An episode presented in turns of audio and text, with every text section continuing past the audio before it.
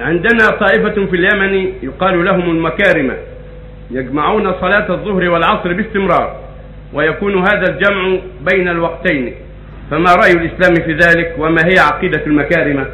هذا معروف عن الشيعة المكارمة الشيعة. الشيعة الباطنية؟ ومعروف عن الشيعة في غالب غالب أنواعهم أنهم يجمعون بين الظهر والعصر والمغرب والعشاء وهذا خطأ عند السنة والجماعة وغلط.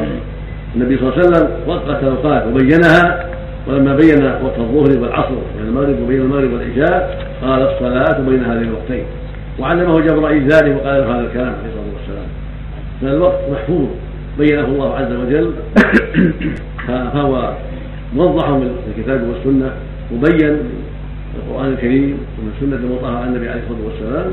فعلى المسلمين أن يعملوا بذلك وأن يصلوا الصلاة في وقتها الظهر في وقتها والعصر في وقتها والمغرب في وقتها والعشاء في وقتها والفجر في وقتها. ولا يجوز لهم التأسي بمن خالف أمر الله وابتدع في الدين ما لم يأذن به الله من الشيعة وغير الشيعة.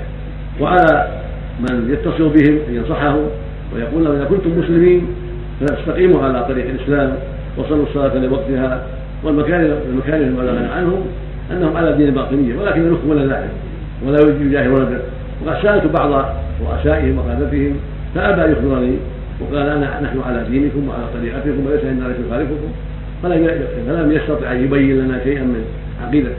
ولكن المشهور عن عن العلم الذين عرفوهم أنهم على دين الباطنية وعلى دين الرافضه في تعظيم أهل البيت ودعائهم من دون الله وعبادتهم من دون الله كعلي والحسن والحسين وفاطمة يدعونهم من دون الله وبهم يستغيثون لهم ينذرون لهم يذبحون. هكذا بلغنا عن الرافضه ومن تأسى من الباطنية.